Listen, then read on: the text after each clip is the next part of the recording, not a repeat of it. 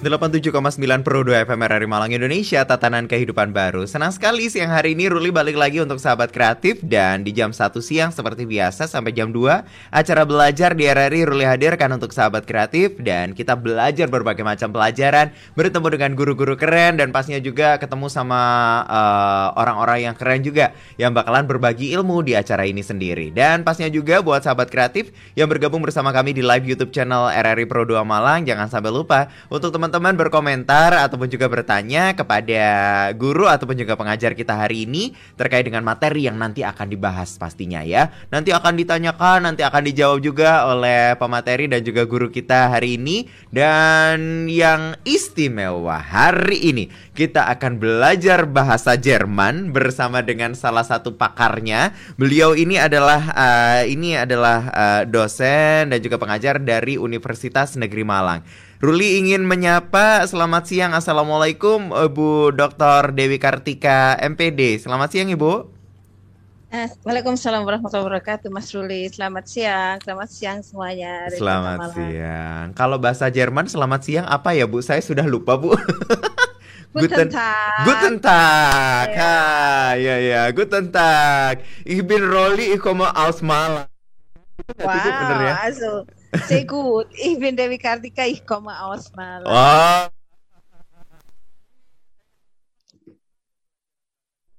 Karena bahasa Jerman itu menurut saya susah, jadi saya nggak pinter-pinter bu. Makanya sekarang alhamdulillah saya dikasih belajaran bahasa Jerman lagi. Saya ingin belajar bersama dengan uh, Ibu Dewi. Saya manggilnya Ibu Dewi, Kar uh, Ibu Dewi, Ibu Kartika atau seperti apa?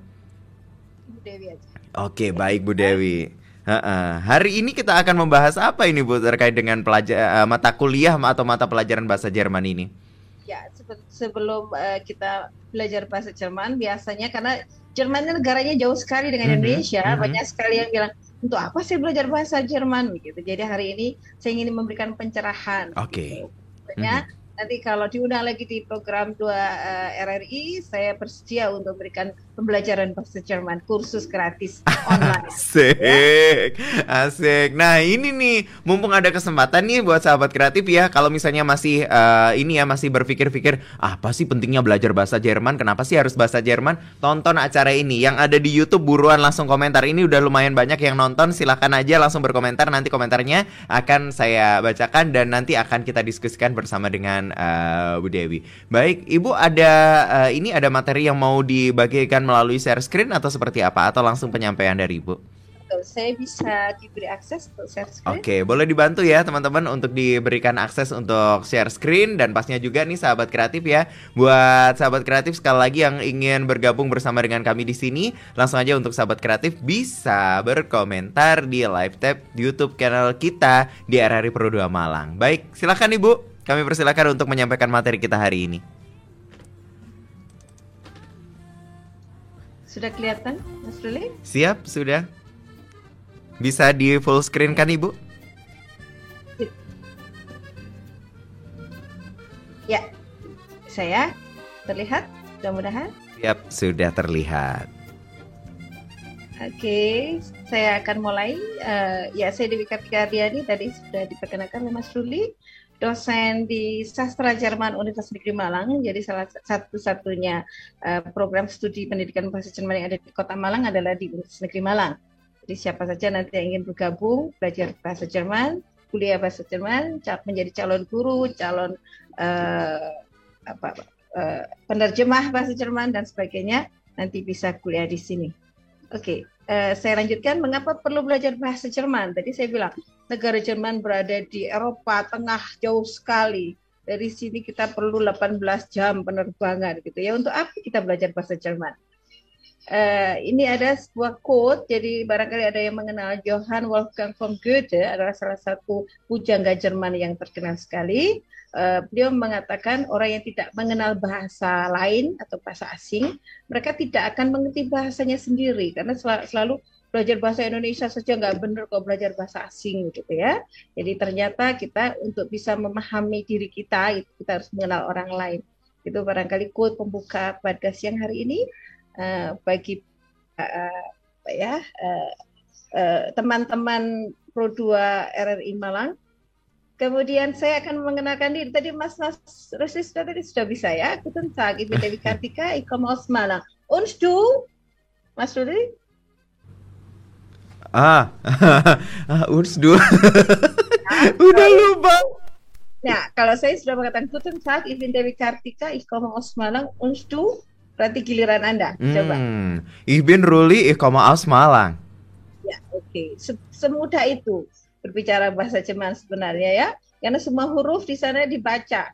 Guten Tag, ich bin Dewi Kartika, ich komme aus Malang. Und jadi dibandingkan dengan bahasa Prancis atau bahasa Inggris, ini tulisannya semuanya terbaca.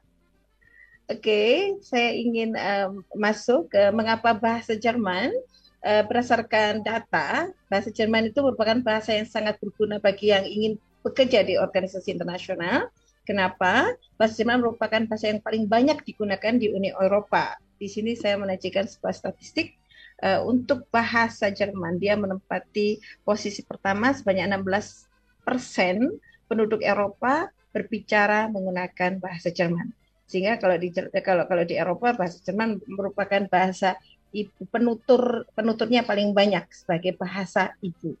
Kemudian uh, selain itu di dunia bisnis. Komunikasi dalam bahasa Jerman dengan mitra bisnis Anda yang berbahasa Jerman menciptakan hubungan bisnis yang lebih baik. Ya, ada peluang peluang besar ada uh, digunakan untuk komunikasi komunikasi yang lebih efektif dan demikian juga untuk meraih kesuksesan.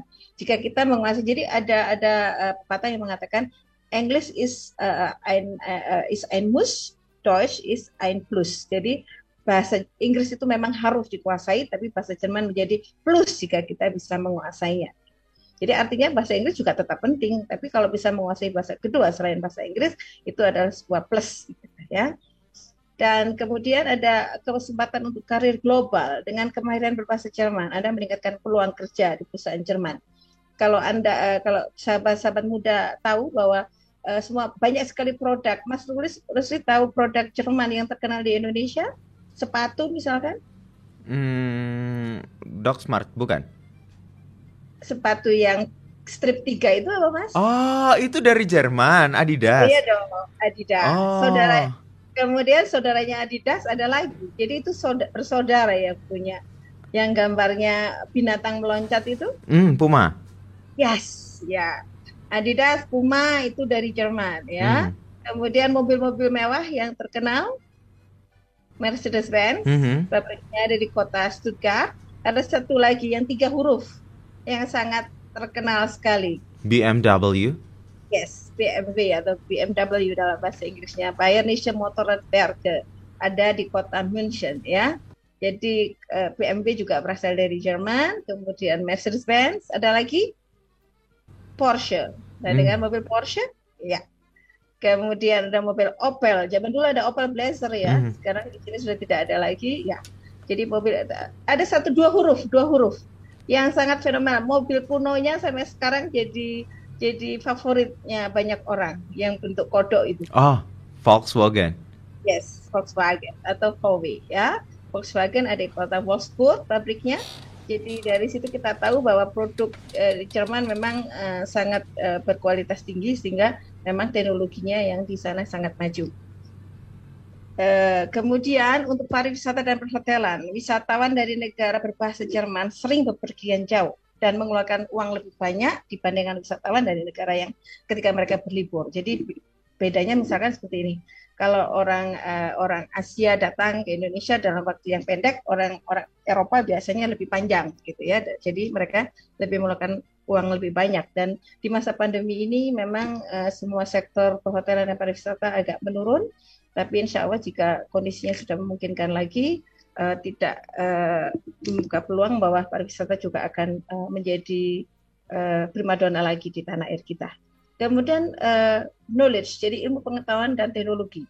Jadi kita tahu bahwa produk-produk uh, yang besar seperti industri-industri uh, mobil, kemudian ada oh, pabrik Bayer, jaminan mutu, gitu ya, Baygon, itu ya, Bayer itu perusahaan obat, kimia, perusahaan kimia, tapi di Indonesia yang kita kenal adalah Baygonnya gitu ya, atau aspirin ya, aspirin itu dari dari Bayer atau obat-obat yang lain. Kalau di di Singosari ada produk dari Hansa Plus gitu, Store, Nivea itu juga produksi dari Jerman ya.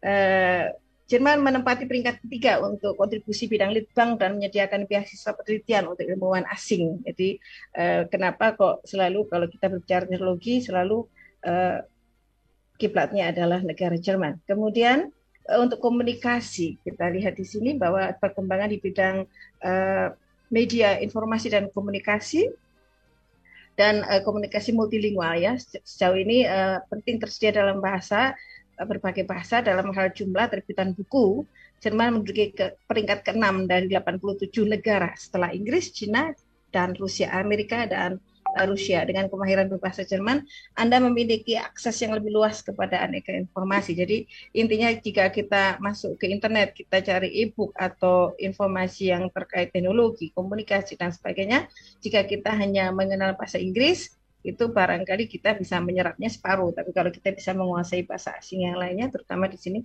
yang saya bicarakan dalam bahasa Jerman, kita bisa mengakses uh, berbagai uh, sumber yang berbahasa Jerman. Kemudian pemahaman kultural, belajar bahasa Jerman membuka wawasan mengenai kehidupan, harapan dan impian orang-orang yang berbahasa Jerman dengan masyarakat multikultural. Ya kita tahu bahwa di Jerman, Jerman uh, membuka peluang bagi imigran dari Syria, dari Yaman, dari negara-negara perang untuk menjadi warga negara di sana. Dan kemudian jika kita belajar bahasa berarti tidak tidak lepas dari bahasa dari kulturnya. Kalau ini ini gambarnya yang saya sajikan adalah berbagai macam jenis makanan yang dimakan orang selama kita uh, sarapan. Kalau Mas Rusli mungkin di sini lihatnya nasi goreng atau pecel sama tempe tahu. Jadi kita lihat bermacam-macam buah, ada salami, ada macam-macam roti. Rotinya ini atos gitu aja. Kalau roti di Indonesia kan empuk gitu. Dari sini kok keras. Kemudian di sini ada butter, ada Käse atau keju, kemudian ada Nutella, Nutella yang terkenal ini ada dari Jerman dan ini adalah bagian dari dari kebiasaan orang Jerman. Kita kita belajar bahasa, kita juga belajar kebiasaan dan budayanya, gitu ya. Juga kita akan belajar bahasa Jerman. Nanti kita akan mengenal apa saja, bagaimana orang berkenalan, uh, bagaimana orang menyapa orang yang lebih tua atau yang seumur itu adalah bagian dari perbedaan budaya.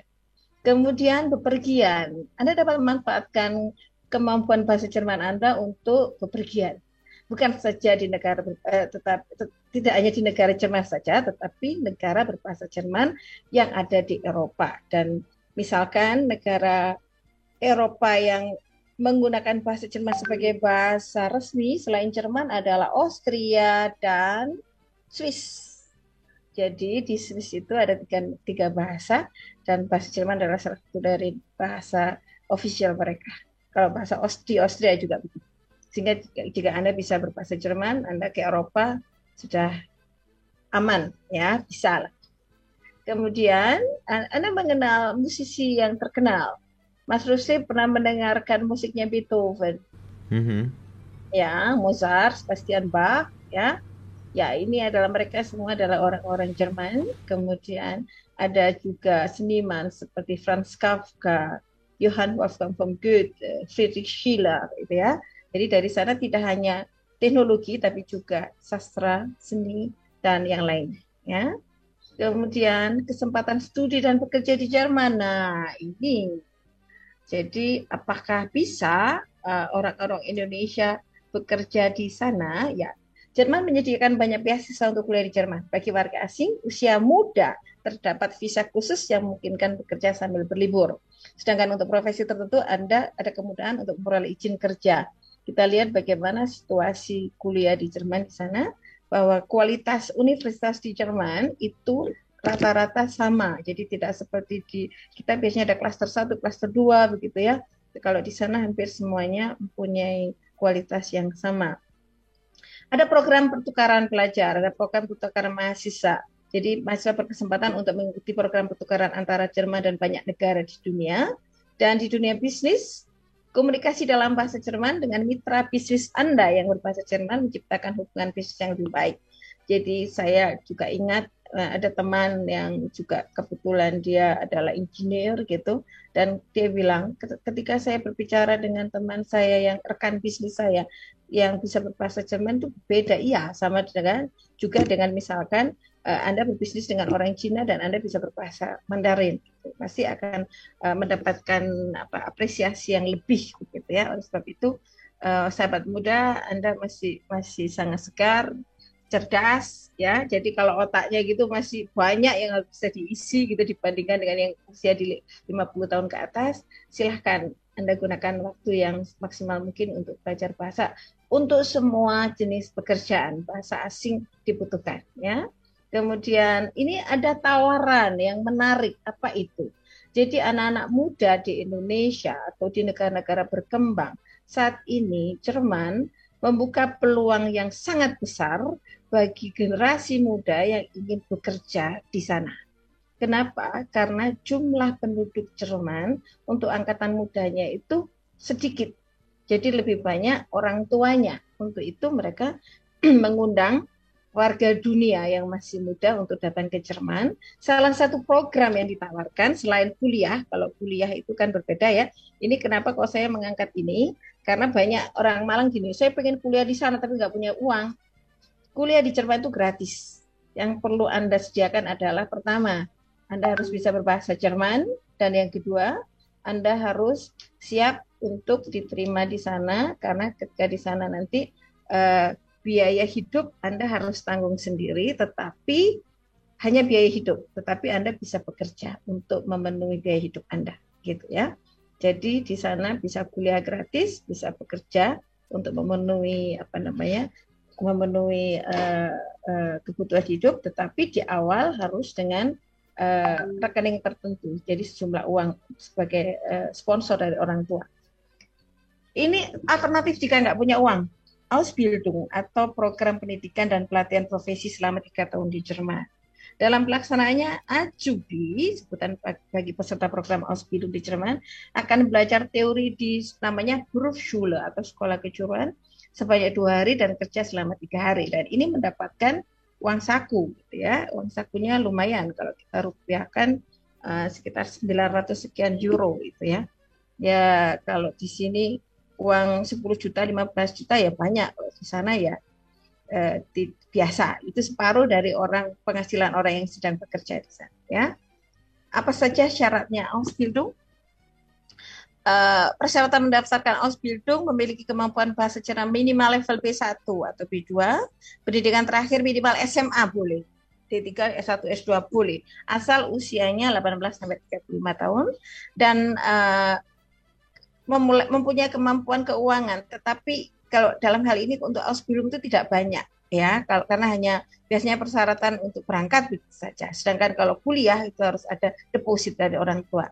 Aspildung adalah program dari pemerintah Jerman yang memberikan kesempatan pemuda-pemudi dari seluruh dunia untuk mengikuti program pendidikan dan pelatihan profesi selama tiga tahun di Jerman. Jadi kalau Anda sudah di sana tiga tahun, Anda setelahnya mau bekerja di sana boleh, mau kuliah lagi di sana juga boleh, terserah Anda mau balik lagi ke Indonesia juga boleh. Kemudian batasan usia, jadi untuk Ausbildung, lulusan SMA tanpa pengalaman kerja tidak memiliki kemampuan yang diunggulkan disarankan mendaftarkan Ausbildung sebelum usia 30 tahun.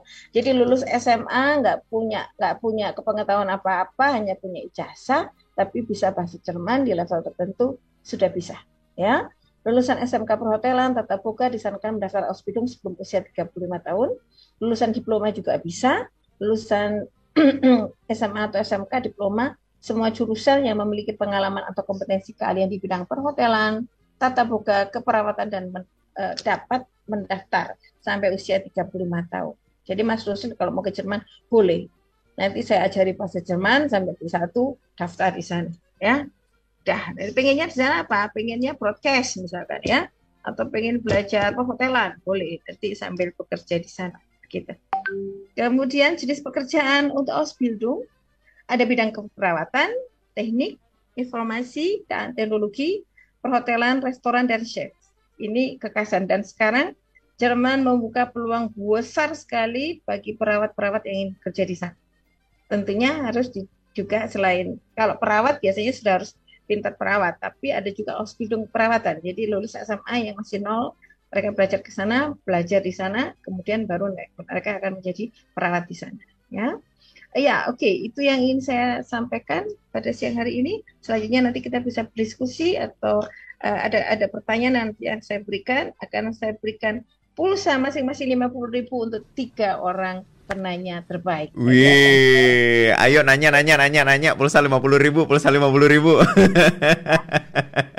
Waduh, ini senang sekali nih buat sahabat kreatif karena kalau misalnya kita melihat gitu ada banyak sekali ternyata peluang-peluang uh, pekerjaan ataupun juga uh, peluang-peluang yang lainnya yang bisa diwujudkan di ini ya, yang bisa diwujudkan di Jerman kayak gitu. Oke, okay. Ibu bisa mohon untuk share screen-nya bisa di stop dulu? Oh, sudah? Sudah? Oke, okay, baik. Nah, ini dia. Sekarang bisa menyaksikan secara langsung wajah uh, dari Ibu dan pasnya juga kalau misalnya tadi sudah di kasih uh, semacam clue-clue seperti itu yang uh, pastinya bisa diikuti nih sama sahabat kreatif ya yang usianya masih di bawah 35 tahun. Kalau misalnya saya sudah mepet Bu, mohon maaf usianya. Kayaknya udah terlambat banget gitu kalau misalnya mau ke Jerman gitu. Nah, ini uh, dulu tuh pernah ada juga saya SMA-nya dulu SMA bahasa gitu kan juga sempat mempelajari bahasa Jerman selama satu tahun walaupun nggak pinter-pinter amat gitu. Tapi ada lah temen yang itu pinter banget dan akhirnya setelah lulus SMA itu akhirnya bisa berangkat ke Jerman gitu. Dan ini apakah ini juga uh, sama di program yang tadi atau seperti apa, Bu? Uh, ada beberapa uh, kesempatan yang hmm. yang ditawarkan ya. Saya tidak tahu temannya itu ikut apa. Salah satunya adalah program Oper. Jadi Oper Merchant atau Oper juga. Kebetulan temannya perempuan kah? Perempuan.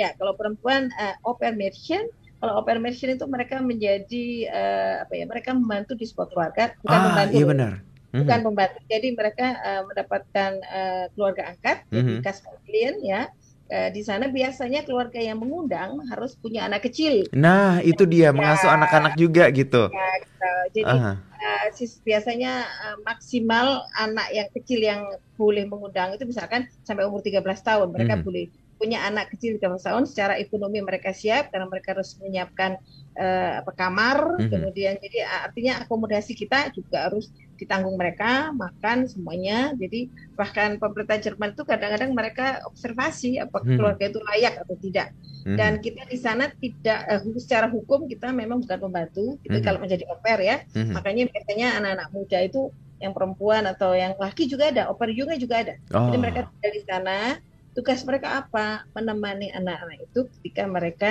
tidak sekolah, misalkan pulang sekolah atau hmm. mereka mau les balet, les piano atau mereka berenang, gitu. hmm. Jadi menemani sampai orang tua mereka pulang. Oh. Dan anak Jerman nggak kayak anak Indonesia digendong ke sana kemari, Jadi mereka bisa bermain, mereka dijak ngobrol. Kalau hmm. waktunya mereka tidur siang, mereka tidur. Hmm. Ya, tugasnya kalau orang tua udah datang, sudah anak-anak oper itu sudah tugasnya biasanya mereka kursus bahasa. Oh. Karena harus di, di, di, diberangkatkan kursus ya. Mm-hmm. Kemudian Sabtu Minggu mereka libur. Kalau keluarga itu liburan, mereka ada opsi ikut keluarga itu. Biasanya ya keluar negeri, keluar negerinya kan dekat kalau di sana. Uh-huh. Kalau misalkan dari Jerman ke Swiss, Jerman ke Praha, atau mhm. Jerman mm-hmm. ke mana ke Greece gitu, ke ke uh, Yunani, Yunani. yang nggak jauh kayak mm-hmm. di Indonesia sama dengan Malang ke Kalimantan gitu uh-huh. ya. Jadi pilihannya mereka boleh ikut keluarga itu atau mereka jalan-jalan uh, sendiri dan anak-anak janjian dengan teman-teman oper dari kota-kota lain itu mm-hmm. mereka mendapatkan uang saku kemudian tempat tinggal makan semuanya kebutuhan dipenuhi dan khusus bahasa Jerman mm-hmm. gitu. kontraknya biasanya satu tahun bisa ah. diperpanjang lagi mm-hmm. tahun berikutnya gitu itu ada batasan usia mm-hmm. ya mm-hmm. ada batasan usia gitu Nah, itu program yang namanya Oper itu tadi ya. Kalau misalnya ya. pengen tahu lebih banyak dari informasinya dari mana? Dari Goethe Institute atau seperti apa? Ada di uh, website Goethe Institute juga ada, mm -hmm. kemudian di website banyak sekali juga ada di Oper World juga ada. Mm -hmm. Silakan diklik saja Oper Mention gitu. Jadi uh, asal muasal Oper itu begini dulu ceritanya kalau saya baca ya. Uh -huh. Jadi misalkan uh, uh, orang Jerman yang punya anak gadis gitu ya, mm-hmm. selama liburan mereka kepingin ke Rusia gitu ya, un- untuk belajar bahasa Rusia dan tradisi Rusia. Mm-hmm. Anak Rusia ingin ke Amerika karena mereka ingin tinggal di keluarga Amerika untuk belajar bahasa Inggris dan tradisi Amerika. Jadi mm-hmm. mereka bertukar mm-hmm. gitu ya. Jadi anak-anak sekolahan atau anak-anak ya usianya memang 17 sampai 25 tahun gitu mm -hmm. atau mahasiswa itu jadi mereka liburan mereka ke Prancis mm -hmm. saya pengen belajar bahasa Prancis tinggal di keluarga ya bantu-bantu ya namanya orang tinggal di sebuah keluarga seperti itu itu mm -hmm. itu konsep awalnya seperti itu sehingga mm -hmm. memang oper ini lebih pada pertukaran budaya mm -hmm. ya jadi bukan bukan pembantu. Jadi kalau kita kan nggak ada makan siang yang gratis ya. Kalau kita tinggal di rumah orang ya pastilah ya bantu apalah. Mm -hmm tapi jangan dibayangkan seperti di sini ngosek jeding kemudian masak kora-kora gitu ya pasti ada aturan-aturannya jadi ada job disknya di awal hmm. ada pembagian yang sangat fair antara case family sama uh, oper mission atau oper unit itu tadi Hmm, gitu, gitu. Jadi sebenarnya pengen uh, belajar budaya lain ataupun apa dan akhirnya jadi uh, sebuah program yang di yang di diprogramkan uh, secara resmi ya. oleh pemerintah gitu ya. Uh-huh. Jadi kan gelap ya. Jadi oleh sebab itu biasanya ada uh, prosedur yang harus uh-huh. diikuti setelah uh-huh. ada undangan, kemudian ada kontrak, kemudian nanti uh, di kedutaan untuk melamar visanya, uh-huh. kontrak kerja itu harus diketahui, kemudian keluarga yang memberikan kontrak itu mereka kedutaan tahu ini keluarga siapa, penghasilannya berapa, dia layak enggak mendatangkan orang begitu. Uh-huh. Uh-huh. Uh-huh. Jadi, uh, Jadi nggak main-main juga ya. Insya Allah safe itu tadi ya. Nah sekali lagi buat sahabat kreatif yang ingin bergabung bersama dengan kami di sini, silahkan langsung aja di kolom live chat YouTube channel kami di RRI Pro 2 Malang. Untuk sahabat kreatif yang ingin bertanya-tanya ataupun juga ingin uh, berdiskusi terkait dengan peluang-peluang apa yang bisa kita dapatkan selama kita lagi uh, ini ya, lagi mau ke Jerman kayak gitu. Ada peluang apa di sana sehingga kita uh, punya keinginan untuk belajar bahasa Jerman dan pastinya juga mempelajari budaya ataupun juga langsung bekerja di sana. Tapi uh, Bu uh, ini uh, kita mau jeda sebentar. Kalau misalnya jeda, saya dulu waktu izin sama guru saya uh, bilangnya gini kalau nggak salah ya. Uh, Entschuldigung, Frau, ich möchte gehen nach toilet.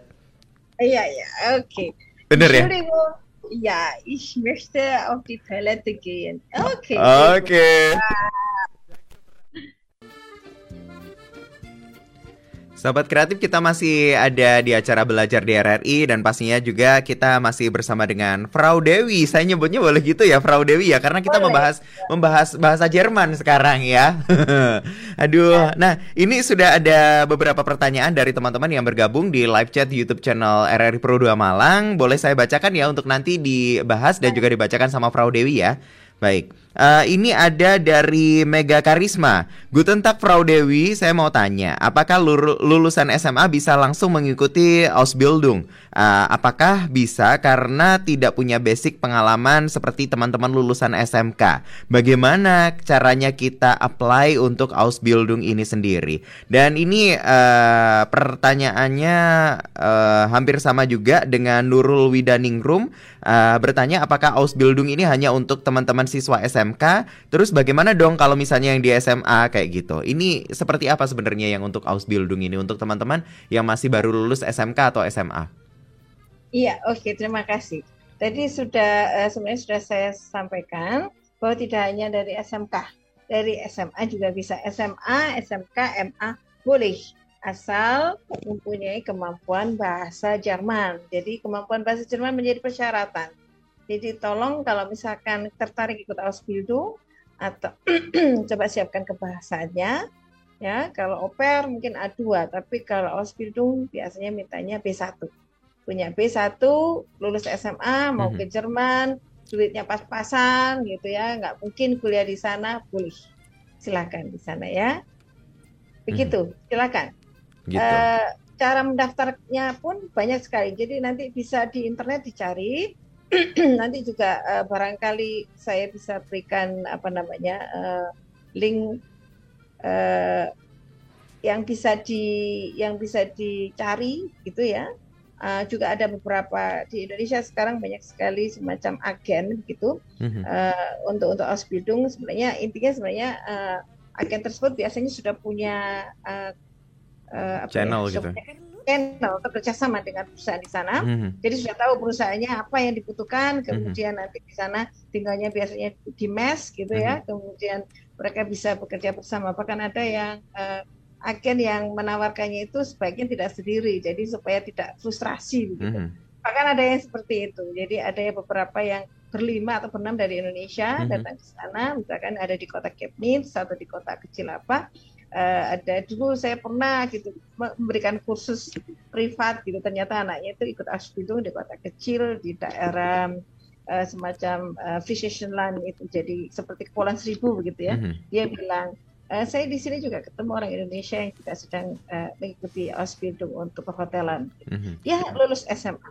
dan belajar bahasa Jerman sampai bisa sampai di sana ya mm -hmm. jadi jangan khawatir tidak punya background apa pun tadi sudah disampaikan kan tidak mm -hmm. punya ijazah selevel SMA, SMK sederajat dan kemampuan bahasa Jerman. Mm -hmm. Jangan takut, jangan takut karena memang di sana juga uh, diberi kesempatan untuk berproses juga gitu ya, untuk mempelajari skill dan juga pastinya mempelajari bahasa Jerman yang ada di sana gitu. Oke, baik. Ini uh, ada pertanyaan selanjutnya. Guten Tag, Frau. Uh, tips belajar bahasa Jerman secara mandiri dong. Gimana, Frau Dewi Danke? Ini dari Nidia Okta Putrivian. Oke, terima kasih Nidia. Tipsnya belajar sendiri untuk pemula memang uh, saya 100% tidak setuju kalau belajar sendiri ya. ya. kadang belajar sendiri itu juga ngerti salah ini mana, kemudian kalau nggak ngerti frustrasi gitu. Mm. Memang sebaiknya, jadi kita sekarang kan sudah modelnya ada blended learning, ada online learning gitu ya, yang memudahkan orang uh, gurunya ada di kota mana, kemudian kita bisa belajar dari mana itu boleh. Ya. Mm. Jadi uh, uh, silakan nanti apa namanya uh, belajar sendiri itu artinya begini ada beberapa sit, uh, website yang memberikan atau di Deutsche Welle seperti itu ya mm-hmm. itu ada yang uh, memberikan kursus bahasa Jerman online silakan diikuti tetapi saya kira jika ingin intensif sekali sebaiknya memang jangan belajar sendirian pasti perlu pendamping mm-hmm. gitu ya. Mm-hmm. Jika ada yang ditanyakan, ketika motivasinya menurun, itu ada yang diajak bekerja apa berdiskusi atau atau pelan-pelan untuk memberikan apa namanya memotivasi bagaimana belajar yang baik. Pertama, belajar bahasa Jerman tipsnya adalah jangan belajar dari gramatik ya. Oh, okay. Jadi uh, secara komunikatif, belajar bahasa misalkan halo guten tag halo guten Tag gitu ya. Kalau siang guten Tag langsung semua mengikuti guten Tag ich hmm. bin Dave ich bin Dave und du? Akan semuanya akan mengikuti. Ich bin Edi ich bin Nidia ich bin Mega ich bin Nurul gitu ya. Kemudian kalau usianya anak SMA biasanya usianya berapa ya kita kita ajarin aja even chain ya even chain kalau ada saya sudah 25 oke okay, even instansi nggak hmm. usah diberikan semua angkanya nanti frustrasi ya sesuai dengan kebutuhan dulu gitu ya pelan pelan pelan nanti jadi kalau sudah pinter nemu hmm. yang rumit gak akan frustrasi hmm. tapi kalau di awal udah frustrasi alamat besoknya tidak ada saya nggak belajar lagi pusing ya.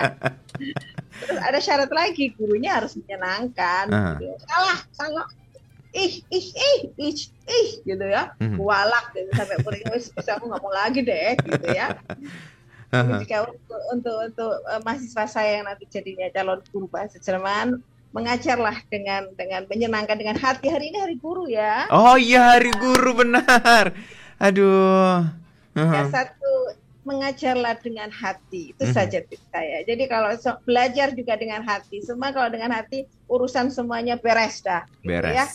Betul. Uh, uh. Mm -hmm.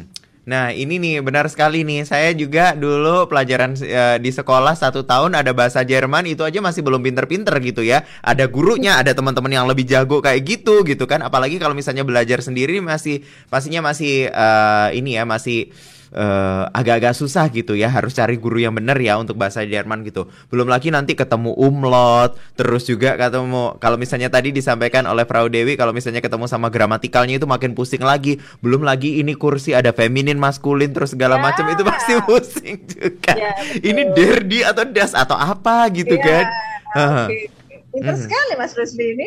Saya pengen tahu dulu belajar di mana. Jangan Bu, saya malu sama guru saya.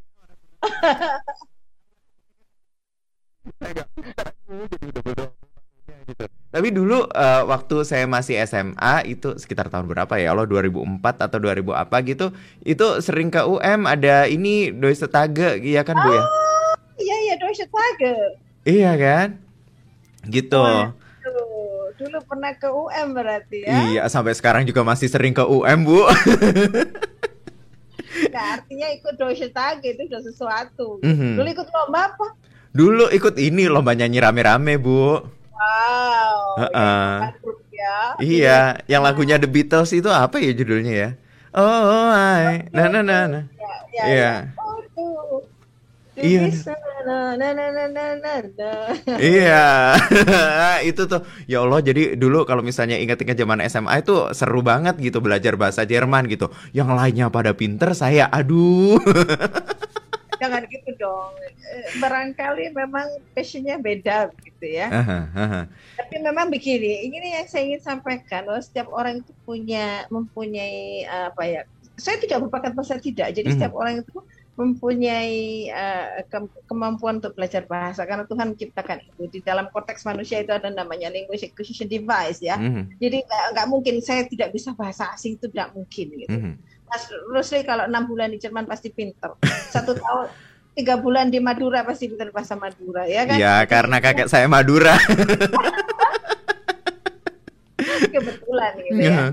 Iya. Ya, artinya bahasa itu secara natural bisa bisa tanpa dipelajari pun mm -hmm. uh, ada ada namanya uh, acquisition gitu ya, ada mm -hmm. namanya perolehan bahasa. Jadi tanpa sadar kita belajar bahasa itu itu mm -hmm. ada. Jadi, mm -hmm. Intinya apalagi kalau dibaca dengan baik pasti bisa. Mm -hmm. Tapi kalau Jangan misalnya, uh tapi kalau misalnya mau uh, apa namanya pergi ke Jerman ataupun apa belajar bahasanya harus benar ya karena memang harus ada uh, kriteria yang harus di uh, apa namanya di di dilampaui ya. gitu ya seperti B1 atau apa tadi ya, itu ya Bu ya. ya. Ya, jadi ada namanya standar kemampuan berbahasa mm -hmm. Eropa atau namanya ZIPER, Common European uh, uh, Framework of Languages gitu mm -hmm. ya itu ada di level A1, A2, B1, B2, C1, C2.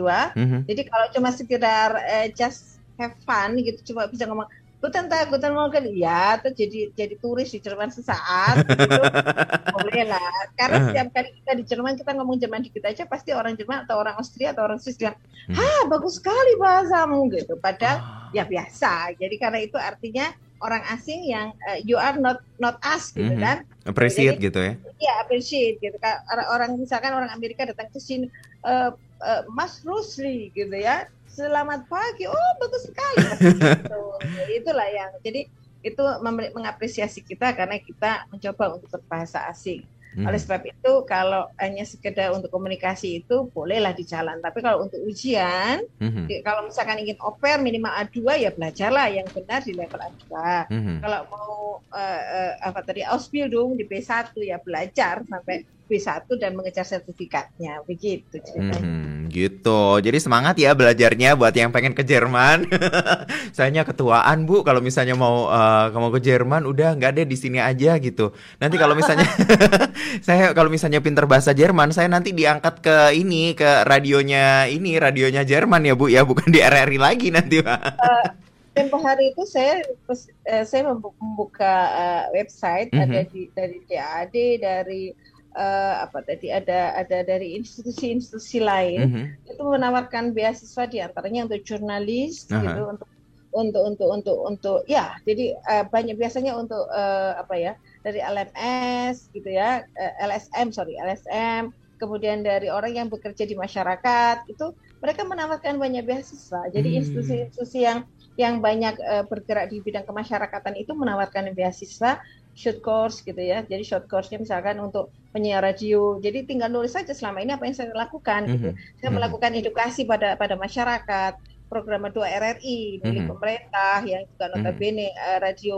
untuk segmentasi anak muda di Indonesia mm-hmm. seperti itu misalkan. Jadi mm-hmm. jangan khawatir kalau rezeki ada itu pasti tidak ke mana ya. Oke okay, baik saya akan menata hidup dan juga diri saya sendiri tujuannya ini kira-kira mau ke Jerman nggak ya gitu ya semoga ada rezeki deh ke Jerman gitu nggak mau nggak nggak tahu sebulan dua bulan atau berapa bulan gitu bisa ke Jerman ya. Oke okay, Bu uh, ini karena memang waktu kita sudah uh, sudah terbatas sekali. Mungkin dari uh, Frau Dewi ingin kembali memotivasi untuk sahabat kreatif buat yang ingin belajar lebih serius lagi terkait dengan bahasa Jerman harus seperti apa dan bi, uh, apa namanya proyeksi apa yang bisa didapatkan kalau misalnya kita serius belajar bahasa Jerman. Silakan, Frau. Baik, terima kasih. Ya, bahasa Jerman di, uh, orang mengatakan bahasa Jerman itu sulit. Saya hmm. mengatakannya bahasa Jerman itu rumit, bukan sulit ya. Kenapa kok rumit? Ya karena tadi Mas Lucy mengatakan ada artikel yang harus dikuasai, ada kasus yang tidak ada dalam bahasa Inggris gitu ya. Hmm. Tetapi jika Anda bisa me menguasai bahasa Jerman, Anda akan tahu bahwa bahasa Inggris itu mudah sekali gitu ya. Jadi karena bahasa Inggris tidak rumit gramatiknya gramatikanya dalam bahasa Jerman. Iya. Jika Anda memang serius apa tujuan Anda? Jadi kalau saya cuma pengen bisa aja itu biasanya lemah gitu saya biasanya kalau ngajar kenapa kok belajar bahasa Jerman saya mesti tanya biasanya dia jawab e, ya pengen bisa aja itu sangat lemah motivasi itu tidak boleh seperti itu jadi jangan ya sekedarnya jangan jadi saya ingin mendapat sertifikat ini saya ingin ini saya ingin itu saya ingin bisa membaca eh, karya-karya uh, atau buku-buku dalam bahasa Jerman saya ingin uh, mencari beasiswa S2 di Jerman. Saya ingin ikut Ausbildung di Jerman. Jadi tujuannya tetapkan ya. Kemudian belajarnya bagaimana? Ada privat-privat, ada online, ada ada kursus online yang gratis juga ada gitu ya. Jadi nanti kalau misalkan Anda memang ter serius tertarik, tapi saya nggak punya uang, saya pengen yang gratis-gratis di mana? Monggo nanti komunikasi di jurusan sastra Jerman kami bisa memberikan informasi atau memberikan alternatif apa yang bisa Anda lakukan. Begitu ya. Mm-hmm. Jadi sekali lagi tetap semangat apa yang Anda inginkan, impian Anda itu harus dicapai. Aha. Begitu impian harus dicapai, harus diperjuangkan gitu. Jadi buat sahabat kreatif yang sekarang ini uh, mungkin masih duduk di bangku SMA ataupun juga duduk di bangku perkuliahan gitu, masih ada kesempatan buat sahabat kreatif yang pengen berkarya ataupun juga belajar lebih banyak lagi terkait dengan uh, apa namanya bahasa Jerman ataupun juga uh, budaya yang ada di sana termasuk juga pengen bekerja ataupun juga berkarir di Jerman. Wah, ini kesempatannya masih terbuka sekali nih sahabat kreatif ya. Semoga suatu saat kita bisa ngobrol-ngobrol lagi lagi, bisa belajar bahasa Jerman lagi bersama dengan uh, Frau Dewi dan pastinya juga biar nanti kalau misalnya ketemu saya lagi, saya jadi buka-buka lagi uh, buku pelajaran bahasa Jerman saya. Biar nggak cuma uh, Ich bin Ruli, ich komme aus Malang aja, tapi yang lain-lainnya biar saya ingat kembali gitu ya. Karena hmm. ada Ili Bedih gitu ya. Ah, Ili Bedih. ich bin kerang. kalau misalnya kalau misalnya mau uh, bolos nggak pro Ich bin kerang gitu. Nakal banget ya. Uh -uh. Salam, saya mau salam buat bapak ibu guru saya dulu di SMA Negeri Tumpang yang ada bahasa Jermannya. Bu Titin. Bu Titin. Iya. Iya, Frau Titin, mohon maaf kalau misalnya sampai sekarang saya masih nggak pinter juga bahasa Jermannya, Frau Titin. kalau masih bisa, bisa perkenalan dan mengucapkan kalimat uh -huh. benar itu berarti bisa. Sudah ya? bisa ya. Oke okay deh. Baik, sekaligus juga ini adalah Hari Guru. Saya mengaturkan uh, terima kasih kepada uh, Bapak Ibu guru termasuk juga kepada Frau Dewi juga sudah uh, sharing kepada sahabat kreatif semuanya terkait dengan bahasa Jerman ini yang ternyata masih punya peluang yang sangat luar biasa di antara bahasa-bahasa lainnya yang juga sekarang sudah semakin populer dan pastinya juga kepada Bapak Ibu guru, Bapak Ibu dosen, semoga ilmu yang Bapak Ibu guru, Bapak Ibu dosen Dharma Batikan semoga semoga bisa memberikan manfaat untuk Indonesia, untuk banyak orang, untuk semakin mencerdaskan dan juga mencerahkan generasi ini. Terima kasih sekali lagi, Frau. Terima kasih, Bapak Ibu Guru. Ya, terima kasih.